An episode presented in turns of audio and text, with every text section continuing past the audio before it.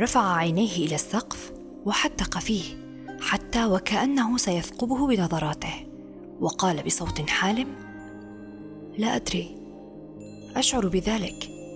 إن لرضا الله عليك شعورا لا يمكن أن يوصف.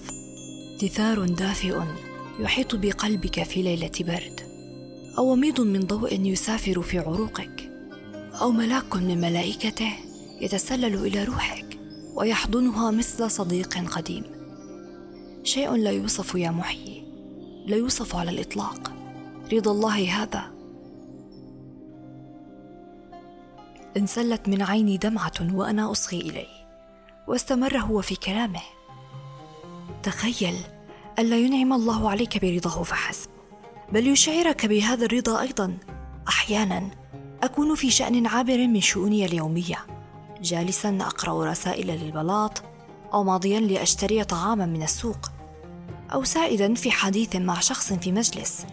وفجأة أشعر وكأني عبرت شلالا من نور. مشيت تحته لثوان ثم خرجت منه. وأشعر وكأني أرى أمامي دهاليز النفس لامعة نظيفة. وكأني خلقت للتو. وأشعر وكأن كل حلم من أحلامي وأمنية من أمنياتي قد خرجت من نفسي.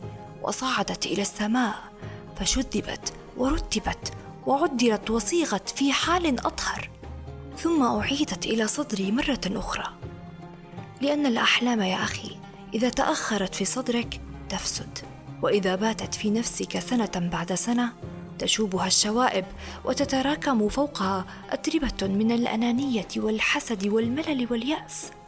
رضا الله يخلقك مرة أخرى بقلب جديد وأحلام نظيفة.